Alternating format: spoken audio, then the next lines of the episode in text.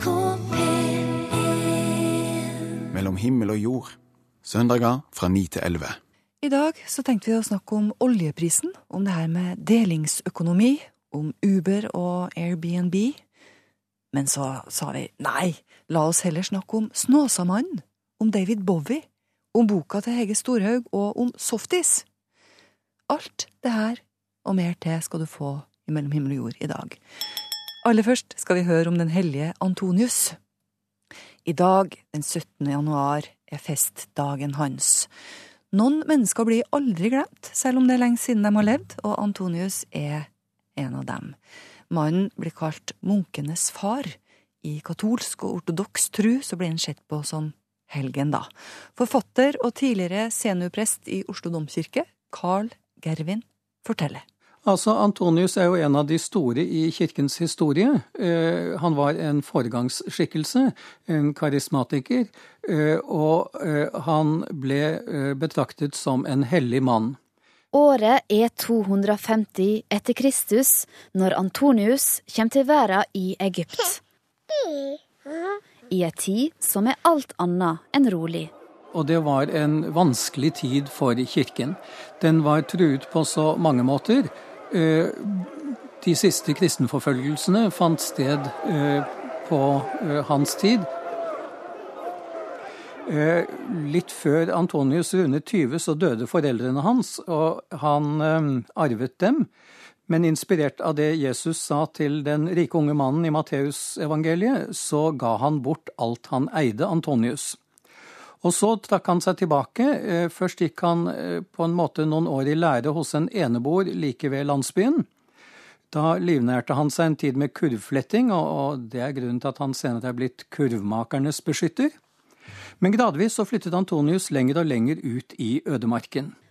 Antonius ville fullt og helt vie livet sitt til Gud, og da gjorde han ved å flytte ut i ørkenen, slik som flere andre gjorde på den tida.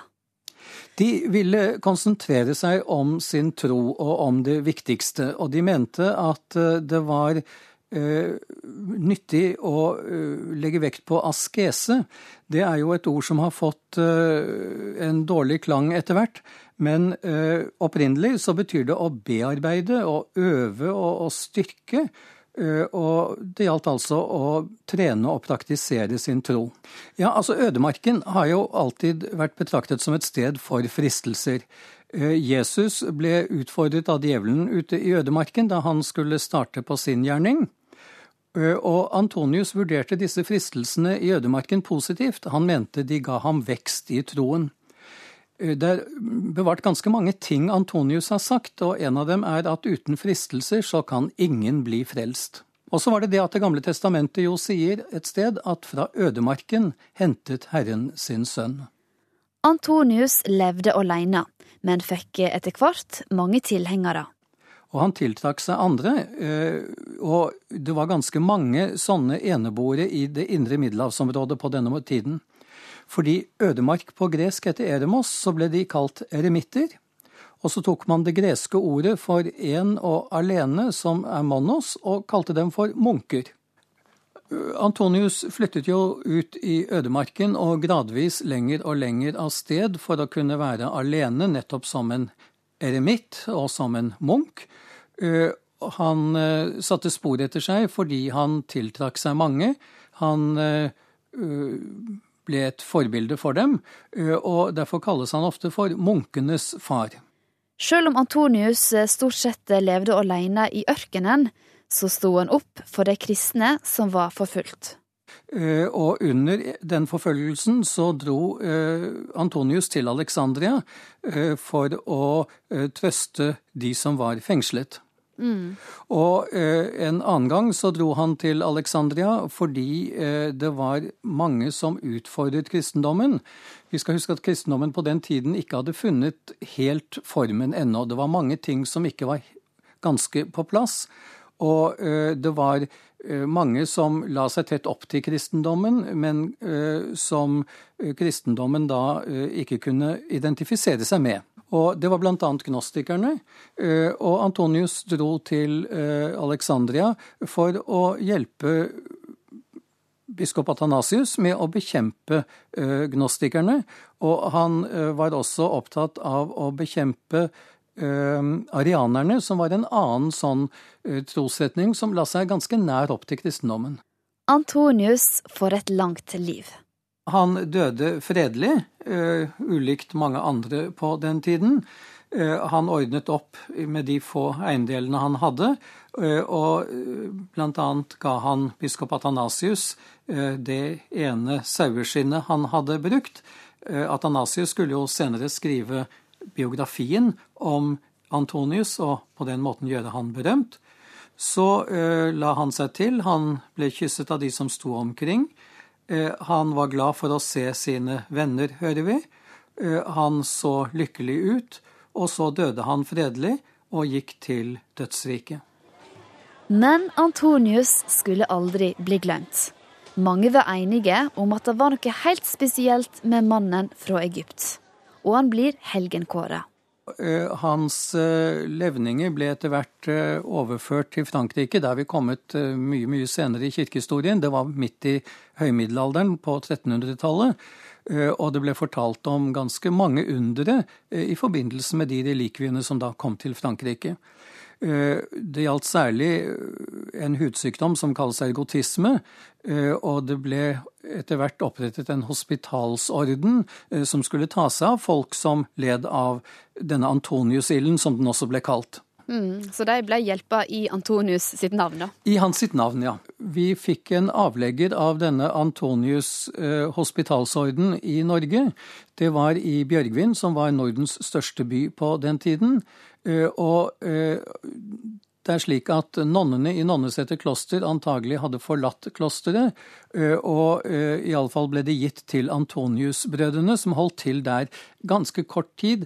Og det, nå er vi på terskelen til reformasjonen. Reformasjonen kommer til Norge, og hospitalordenen blir lagt ned i Bjørgvin. Selv om det er lenge siden Antonius levde, så blir han fortsatt minnet i den ortodokse og katolske verden. Eh, når vi mener at noen mennesker er helgener, eh, så er det jo fordi de gjenspeiler Kristus, eh, fordi de kan gå i forbønn for mennesker, mener mange. Og de har altså betydning som forbilder i sin tro. Og i dag, da? Hvor sterkt står Antonius i dag? Hans festdag feires jo nå eh, den 17. Eh, januar, eh, og han har betydning for alle som er i klosteret, og det er jo ikke så få. Og han har betydning for alle mennesker som et forbilde på så mange måter.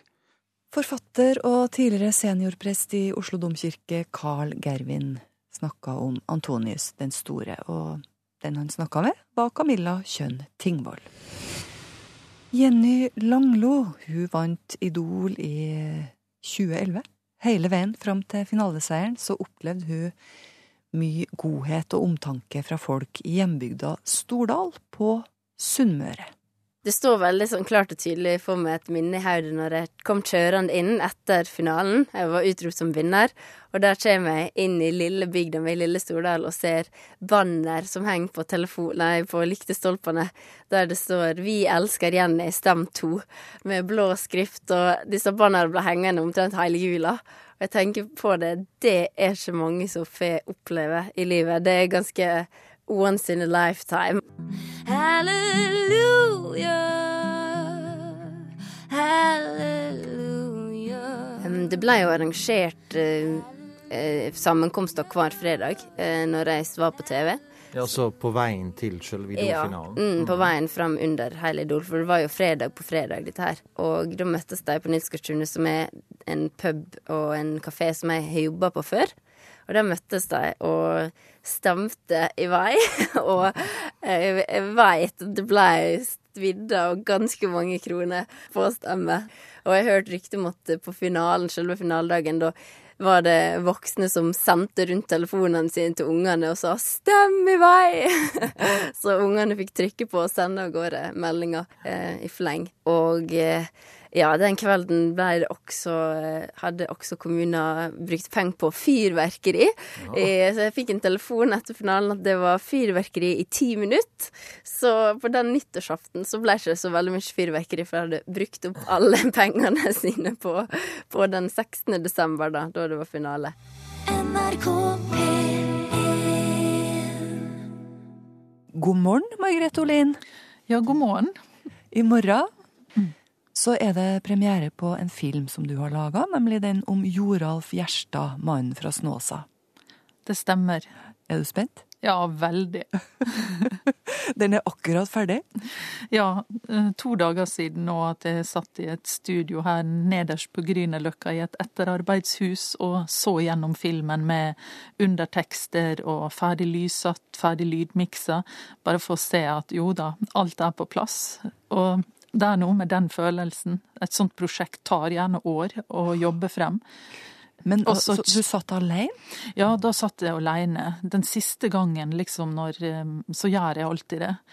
Og da må jeg liksom i dypet kjenne Er dette Blei det sånn som det lå an til underveis at det kunne bli? Har jeg klart å ivareta scenene vi fikk på Snåsa, det vi opplevde når vi sto der i behandlingsrommet med Joralf? um, har jeg klart å omsette det sånn at mitt publikum får den opplevelsen som jeg fikk.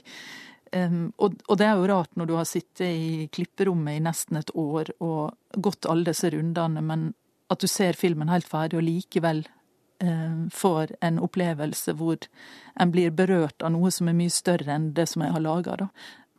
Men hva, altså, hva slags inntrykk sitter du igjen med av uh, hele fenomenet etter at du har vært tett innpå han som vi kaller Snåsakallen da, i mm. Nord-Trøndelag mm. uh, nå? Nei, um, jeg tenker Altså, når jeg satt der og så filmen, så tenker jeg at jeg har laga en film først og fremst for alle som jobber med mennesker, eller alle som forholder seg til andre. Mm. Eh, hvordan vi opptrer som foreldre, hvordan vi opptrer som arbeidsledere, kanskje. Eh, hvordan noen som er i en posisjon hvor man skal hjelpe, som jo en lærer, en sykepleier, en lege, en ruskonsulent, en hvem vi nå enn er, da. Eh, det, det blikket vi møter det andre mennesket med. Jeg tenker om Joralf at Joralf har en ømhet i sin tilstedeværelse som gjør at han kan få noe til å skje hos den andre. Han har evnen til å sette seg selv på andreplass på en måte som jeg aldri har sett hos noen før. Det var det som slo meg mest når jeg sto der og så disse 22 behandlingene. Um, og, og det, det fins i denne filmen, og derfor så tenker jeg at denne filmen har noe å lære oss, da.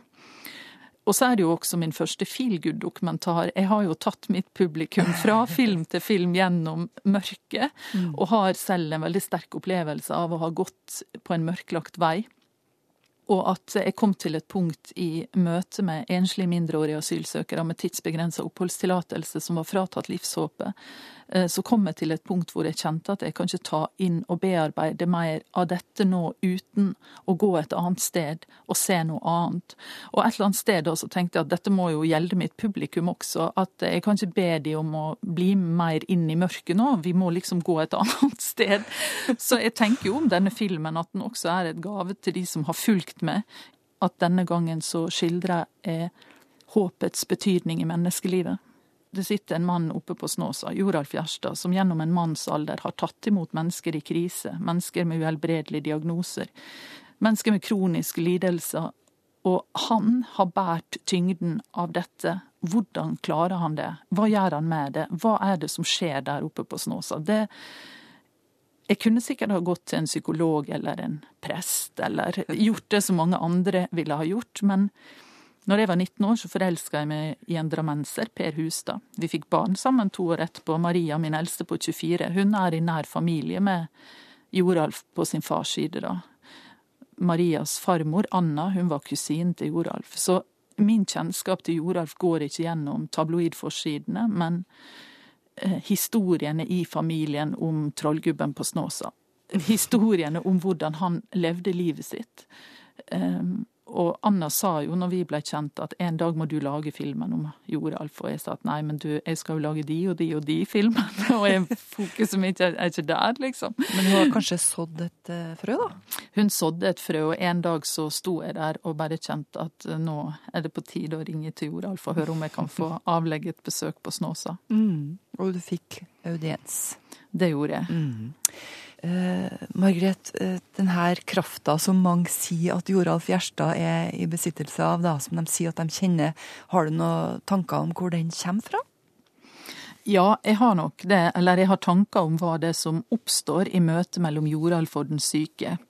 Um, men jeg har vært litt forsiktig med å skulle eh, fortolke det uh, for mye nå i pressen og sånn før uh, mitt publikum får lov til å møte filmen og se selv. Jeg tror man kan gå til 'Mannen fra Snåsa', dokumentarfilmen, og være skeptiker. Og se denne filmen og, og gå ut og fortsette å være det. Ja. Man kan gå til denne filmen og være overbevist om hva det er som skjer, eh, og fortsette å være det. Så det kan folk få lov til å se selv, og noe av den kritikken går jo på at ja, men det som skjer, det får man aldri lov til å se, og eh, disse vitnesbyrdene som man kan lese om, det holder ikke. Mm. Men, men, nå får man virkelig lov til å se det. Eh, så har jeg også noen tanker om hva det som man kaller eh, kraften, hva det kanskje er. Du var jo litt inn på det i sted når du sa at han Joralf setter seg sjøl til side og, og blir en sånn andre person. Mm, ja. Altså det jeg kan si om det, det er at eh, Og det som man kan se på denne filmen, det er at man kan se forskjell på ansiktet hos den som kommer og setter seg ned i sofaen ved siden av Joralf. Hvordan det ansiktet ser ut når de kommer inn og setter seg ned, og hvordan det ansiktet er når de går ut. Og det var påfallende i flere av disse møtene. Og og det som da hadde skjedd, var jo at de opplevde å bli bekrefta. Bekrefta som den de er. Mm. Eh, og, der, og jeg har jo sagt at Joralf har en formidabel gave. Og da snakker ikke jeg om noe som er overnaturlig eller varme hender. Jeg snakker om en evne og en nysgjerrighet i å møte og se og bekrefte et annet menneske. Vi snakker så mye i vår tid om at det er så viktig å se den andre, ikke sant. Og hva betyr det det betyr ikke å se på eller å vurdere, sånn som vi har liksom endt opp med å gjøre i skolen, at det nesten er bare vurderingen tilbake. At barna bare føler seg vurdert. Og barn sier alltid til sine foreldre 'mamma, se på meg'. Og da mener ikke de at man skal se på de, ikke sant, eller vurdere de, men se hvem jeg er. Nå gjør jeg dette for det. Se hvem jeg er.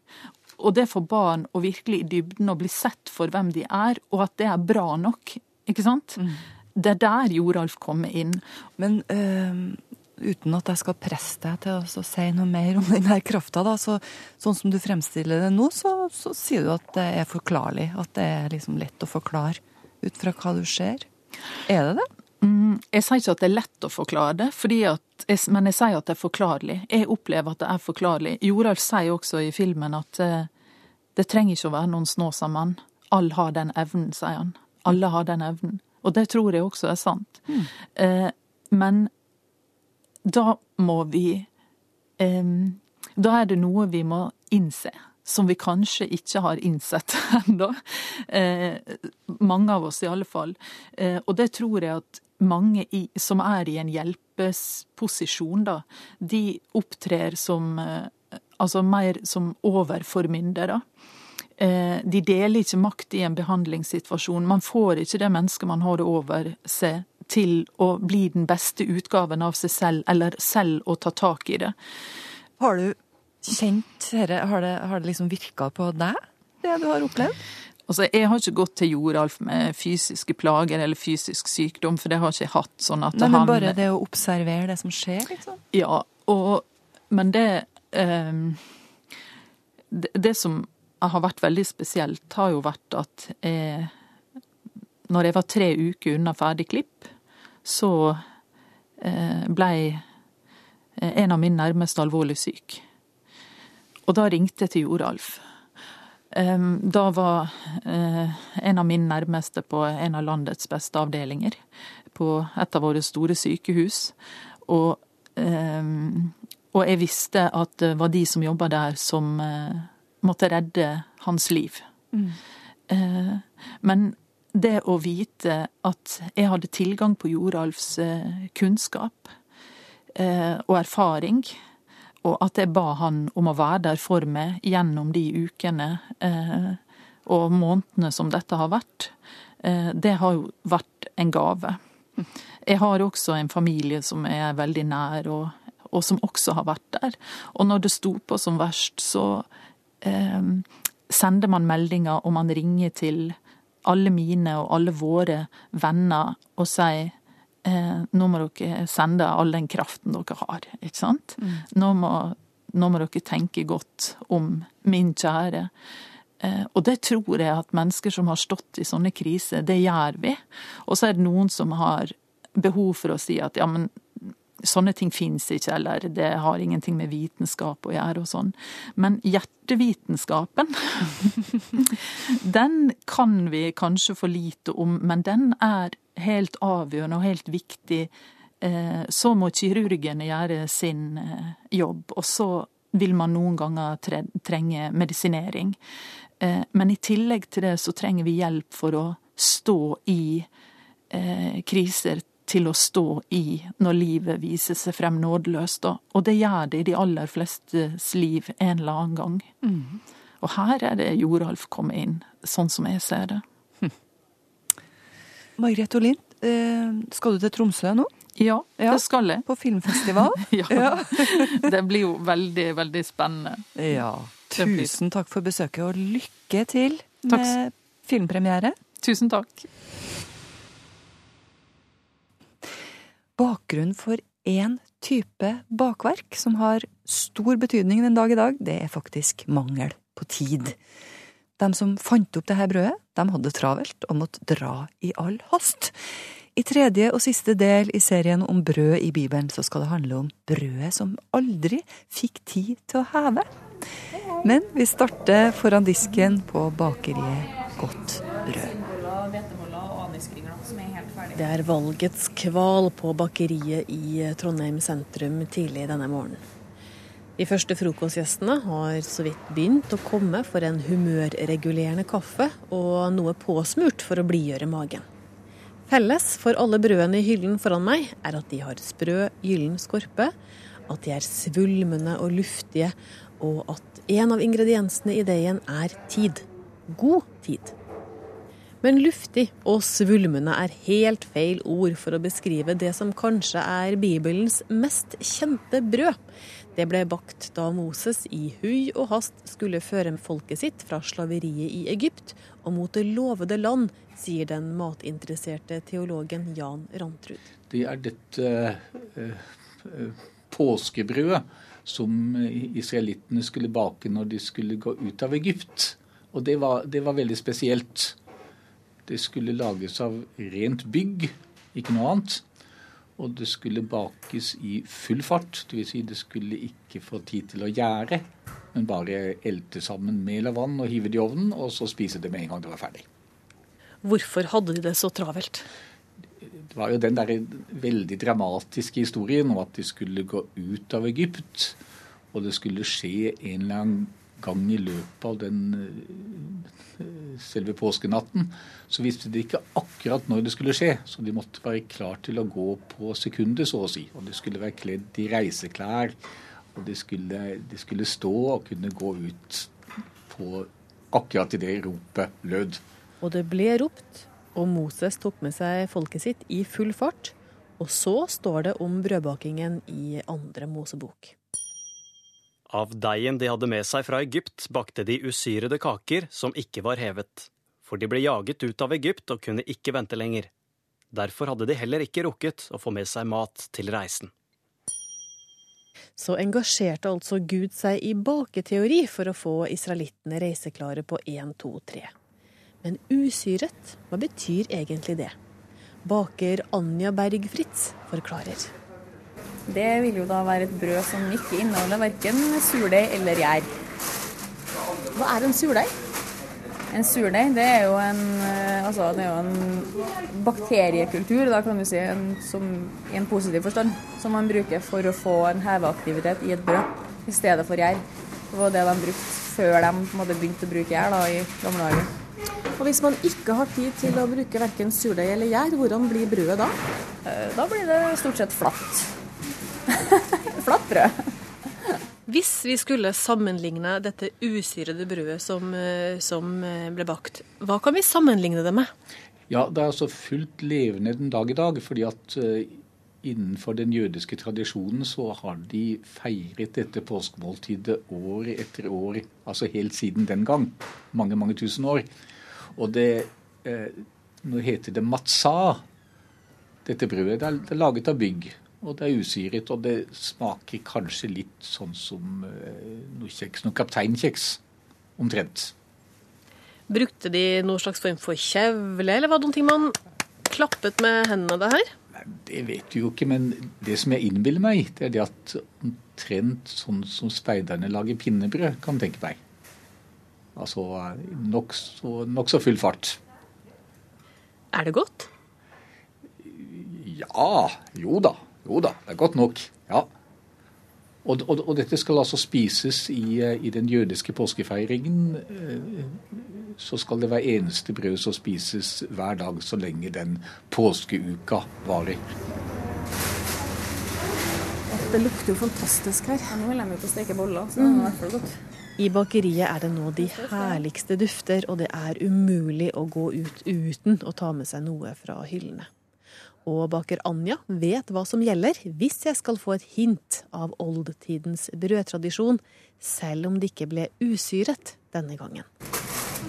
Nei, det må jo være noen av de rundstekte brødene. De hadde jo kanskje ikke så mye form og sånn, jeg vet ikke. Eh,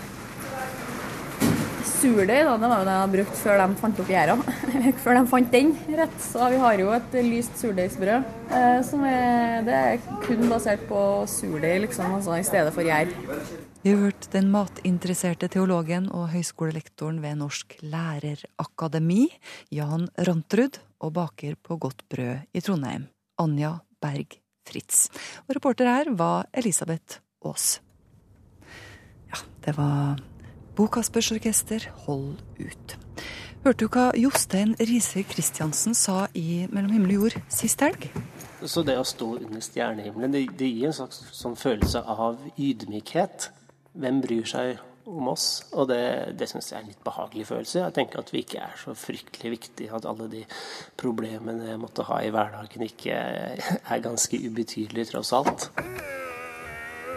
Jeg pleier å ta en tur på fjellet på hytta alene på denne tida av året. Nettopp for å kjenne på ensomheten og se på stjernehimmelen og holde på med sånn grunnleggende greier som å bære vann og ved. Og gjøre meg sjøl litt mindre, som Jostein sier det. Det var 20 minus på fjellet da jeg kom opp sist helg. Og da vet jeg at det kommer til å ta ca. et døgn før sofaen blir varm. I bagasjen hadde jeg boka til Hege Storhaug, 'Islam den ellevte landeplage'. Og jeg satt meg tett inntil peisen med rødvin og bacalao mens jeg satt tannkremen til tining. Jeg leste eh, sånn ca. 100 sider om vold, kvinneundertrykkelse og ufrihet med tanke på tro spesielt. Om all faenskap som islam forårsaker. Det pleier å være stille på fjellet på denne tida. Helt mørkt i nabohyttene. Det er bare meg her. Det vil si sånn, Hvis jeg står i vinduet på stua, så ser jeg lysene fra hotellet 200 meter nedafor. Men akkurat nå så er det ikke hotelldrift. Det er akuttmottak. Hvem er det som er der, tror du? Er det dem som Hege Storhaug beskriver i boka si? Jeg tror det skal godt gjøres hvis du sitter sånn helt alene oppå fjellet, ingen i nærheten, og leser Hege Storhaugs bok, så Og du vet at det er et akuttmottak 200 meter unna. Det skal godt gjøres å ikke bli litt urolig, altså. Jeg har i hvert fall lyst til at døra skal være låst, kjenner jeg. Våre verdier er trua, skriver forfatteren. Og der sitter jeg, helt alene på fjellet, og lurer på hvor mange menn med krigstraumer som er på det hotellet 200 meter unna. De kan se rett opp dit jeg sitter, og de kan se at det her er den eneste hytta som det er folk på, og lys på. I bilen på vei hit på lørdag så hørte jeg på Verdibørsen. Redaktør i Human Rights Service, Nina Gjerpseth Østli, er i studio i P2. Det har vært kvinnekonferanse. Det fins FN-rapporter om den voldsomt utbredte seksuelle trakasseringen og befølingen av kvinner i den arabiske verden. I 2009 var det en FN-konferanse med 17 arabiske land. Den fant sted i Kairo. Der kom man fram til uh, en, en senere rapport 83% av egyptiske kvinner blir utsatt for seksuell trakassering på åpen gate. Disse kvinnene er tildekket. 99% av utenlandske kvinner som var bosatt i Egypt, var utsatt for det samme. Eh, dette er for å begrense kvinners bevegelsesfrihet fordi det krenker. Så dette fenomenet er ikke noe nytt, og det er ikke noe utbredt vestlig. Det, altså, det finnes selvfølgelig i Vesten for all del, men det er mye mer utbredt der. Og det er klart at når vi får store ansamlinger ubefestede unge menn, unge menn som eh, Berglund Steen riktignok sier står for hovedparten av kriminalitet og voldtekter, nå får vi store kull. Og det er klart at de tar med seg kulturen sin og synet sitt hit. Vi har opprettet kurs nettopp for å komme dette i møte. Det har jo vært banebrytende, det var jo nettopp i New York Times om de banebrytende kursene i Norge. Og men generalisering er veldig farlig? Det er det. Men vi generaliserer jo egentlig ikke mennene. Men det er kulturtrekk fra patriarkalske, kvinnefiendtlige kulturer som blir et problem. Altså den er jo et problem der òg for de kvinnene som lever der, men den blir et problem når den kommer hit med den bevegelsesfriheten kvinner har. Noen av dem tar med seg kulturen hit, sier Gjerpseth Østli. Ja, er det ikke akkurat kulturen som er problemet, og ikke religion? Gjerpseth Østli og Storhaug er begge knytta til Human Rights Service. Jeg leser videre i boka til Storhaug og kjenner en litt sånn stigende irritasjon over hvor ensidig forfatteren fremstiller islam begynner å bli trøtt av at hun legger fram denne religionen som så og så mange prosent voldelig og så og så mange prosent kvinnefiendtlig. Veldig rart. Og denne argumentasjonen om at Mohammed var en kriger, levde ikke han i en krigerkultur, akkurat som Olav Haraldsson, som ble helgenkåra etter sin død? Betyr det at alt han sto for, hører søpla til? Dessuten, når hun maler ut om problemene i Marseille, i Malmö, er det egentlig islam som er problemet? Er det ikke mislykka integrering hun skriver om? På tide å legge seg.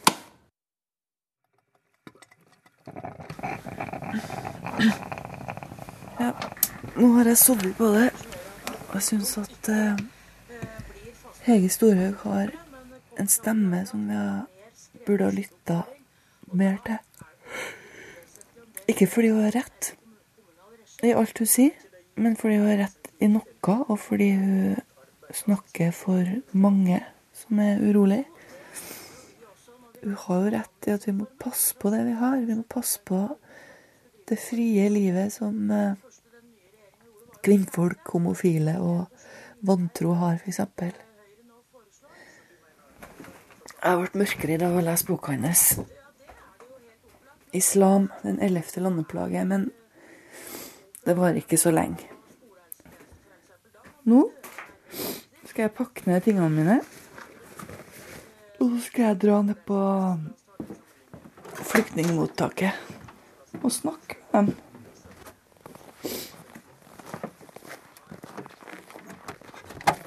Rondane spa heter hotellet. Det er søndag 10. januar. Hei. Kommer jeg forstyrre deg i arbeidet?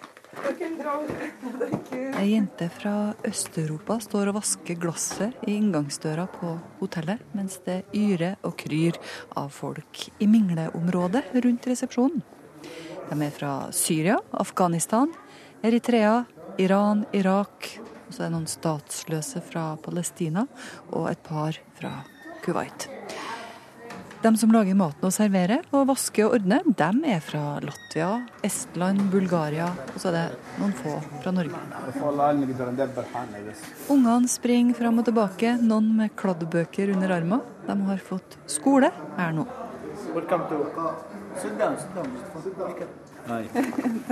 Jeg, som er et fremmed menneske, skal vise seg å være et kjærkomment innslag i denne altfor lange ferien. De har vært her i tre måneder.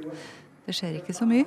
Og når jeg forteller at jeg kommer fra radioen, så kan jeg formelig kjenne at eh, energien i rommet øker. De sender den sprekeste, han unge med lilla hettegenser, oppover trappene for å hente den som er aller flinkest i engelsk. Hello. How are you doing? I wonder how you are doing here. Uh, we are okay. We almost three months here. Yeah. Uh, actually, we don't do anything. Uh, Nord han er utdanna kokk. Han har jobba på italiensk restaurant i England. Han uh, reiste hit for å starte et levelig liv for seg og familien. Hjemme i Syria så er kona og dattera på 13 måneder. Og så er det et barn til på gang i magen. Hvis du har lyst til å se bilde av Nord, så ligger det på Facebook på NRK Livet. Nord han er frustrert og oppgitt over at han ikke får lov å gjøre noe matnyttig. Jeg kunne ha jobba på kjøkkenet sin, jeg kunne ha laga pizza til alle sammen. Ja, hvorfor kan ikke han gjøre det? Hvorfor kan ikke dem som bor her, delta i de daglige gjøremål? Det er vel ikke akkurat god integrering å passivisere dem og servere og stelle for dem? Jeg skal snakke med hotelldirektøren litt senere. Yeah. After that, you know, we watch on TV. Uh, we have the lunch. Uh, after that, you know, some people they playing billiard. Det her er Nord sin dag. Han eh, står opp, spiser frokost, prater litt med folk, spiser lunsj, spiller litt biljard. Tidligere så har Nord vært ute og klaga på småting. Han har klaga på maten på hotellet, og han har klaga på at det ikke fins penger til sigaretter. Du vet, når man er nikotinavhengig, sier han, så kan det jo være en prøvelse å plutselig greie seg uten. Særlig når man sitter her langt oppå fjellet sammen med folk som også sliter med å se meninga i tilværelsen. Uh, lots of people they, they smoking. They don't have you know to buy cigarette. Uh, jeg har blitt mer ydmyk nå, men som han sier sjøl, blir litt gal av å være på en eh, tre måneder lang hotellferie. Du aner ikke når den tar slutt. Du blir litt gal selv om hotellet er bra. Han og de andre her, de vil jobbe. De vil studere, de vil lære norsk, de vil være sammen med oss nordmenn. You know what's happening in, in, in, our country in Syria? Uh, we can't stay there. We can't live there. You know, we want peace. We want uh, good life. You know. Familien min er fortsatt i Syria, sin. Tårene står i øynene på nord. De andre sitter i ring rundt oss i djupe lenestoler og er fryktelig takknemlige for at noen hører på dem. De forteller at uh, noen har gitt opp Norge og takka ja til frivillig retur. Men de her menneskene på Rondane spa de har eh, allerede ringt sine venner i Syria og anbefalt vårt land. Og flere av de her har allerede ankommet. Men Nord han sier at hvis de nye reglene blir vedtatt, og han må vente i flere år på gjenforening med kona og de to små ungene, ja, da reiser han til et annet land. Hei, Margrethe. Ina? Jeg har tatt meg inn her, jeg. Ja, ja. Hva du driver med? Det er radio. NRK P1. Ok. Vil du ha kaffe? Gjerne en kopp kaffe. Is it for me? Yeah, it's a tea. Oh, It's a for- thank you. Du, jeg fikk til Jeg har fått fra før, jeg. Yes. Men eh, tilbake til det her med de daglige gjøremål. Hvorfor kan ikke Nord få lov å lage pizza? Hvorfor kan ikke de her folkene få hjelpe til på hotellet? Hotelldirektøren var ikke her akkurat da jeg var innom, men jeg ringte til han etterpå. Ole Christensen. Hei, hei, Margrethe Nåvik. Ja, hei du. Du, jeg snakka jo med han Nord eh, da jeg var der på søndagen. Ja. Eh, og så sa han at han, var, han er kokk. Ja da. Og, og hans største problem var jo at han syns at han er passiv. Han har lyst til å gjøre noen ting.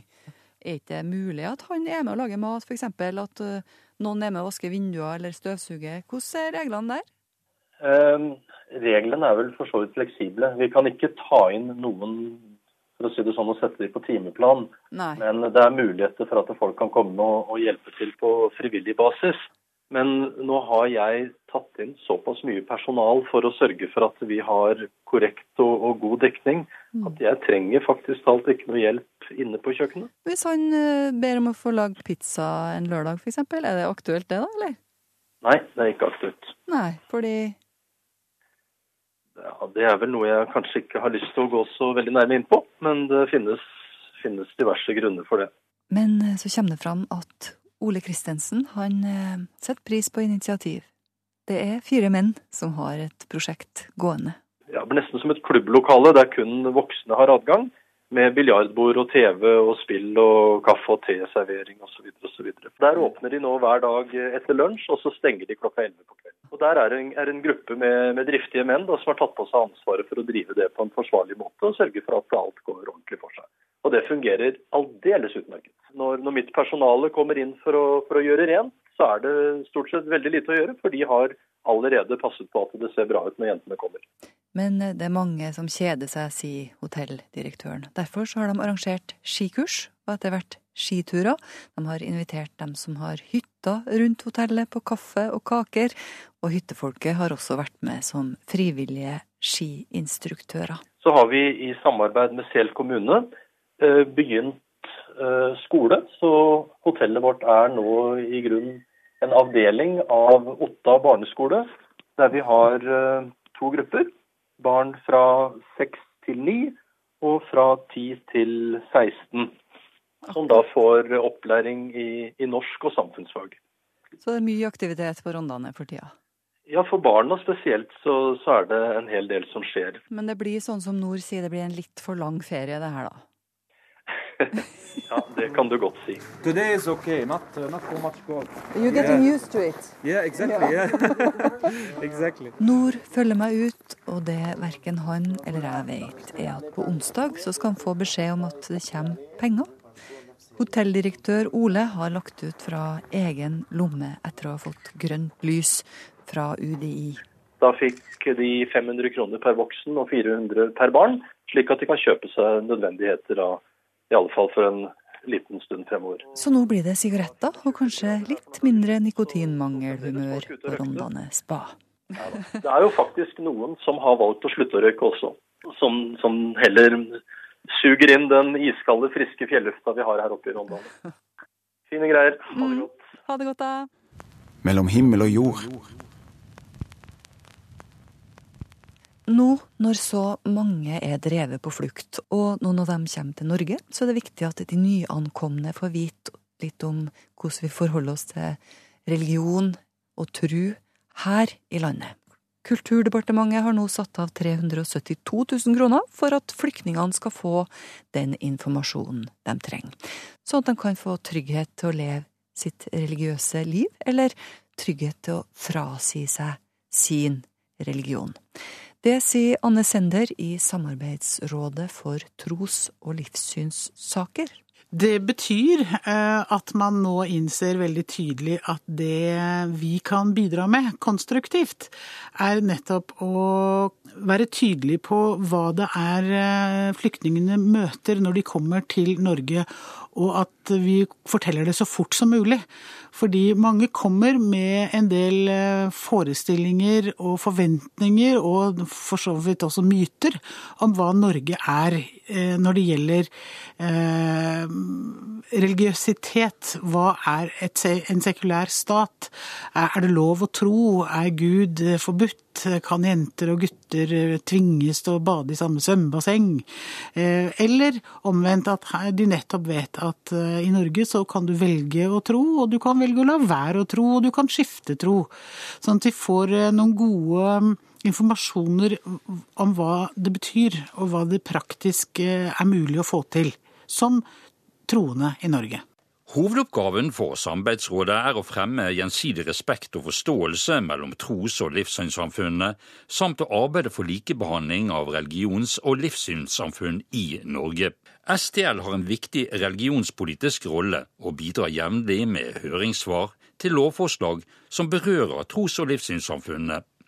De har 14 medlemssamfunn, alt fra Den norske kirke til Det mosaiske trossamfunn, Islamsk råd og Human-Etisk Forbund.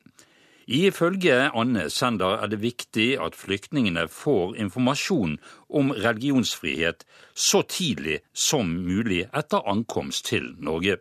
Vi kan ta bort noen eh, misforståelser. Vi kan roe ting litt ned. Og vi kan også kanskje eh, si veldig tydelig at de som har et behov for å møte eh, representanter eller reise til menigheter lokalt der hvor de er, så er det fullt mulig. Og det kan både være støttende, og de kan få, få lov å være, vise sin tilhørighet til sin, og sin urolighet og sin tro på en god måte. Og kanskje få nettopp eh, trøst eh, og, og veiledning på disse spørsmålene så tidlig som mulig. Eh, hvordan har dere registrert behovet for denne informasjonen? Våre, våre, medlemssamfunn er jo, selv, er jo selv innvandrere i kortere og lengre tid, så, så, dette har de jo møtt selv. Det er det ene. Og det andre er at svært mange i dag er opptatt med arbeid allerede, i, opp mot mottakssentre og som frivillig Røde Kors og Folkehjelpen og den type ting. Så vi vet jo at de møter mye både for lite og for dårlig informasjon som mottaksapparatet selv har, men også den uroen som mange kommer med. Eh, mange flykter jo også fra religiøs undertrykkelse og tilhører minoritetsgrupper hvor det, det, å være det de er, har blitt undertrykket og diskriminert og forfulgt. Sånn at eh, vi skal jo også ta bort den frykten for å få lov å si å være det de er, eh, så tidlig som mulig. Hvordan praktisk vil denne informasjonen bli gitt? Vi har engasjert en religionshistoriker og forsker som, har, som er kjent på feltet.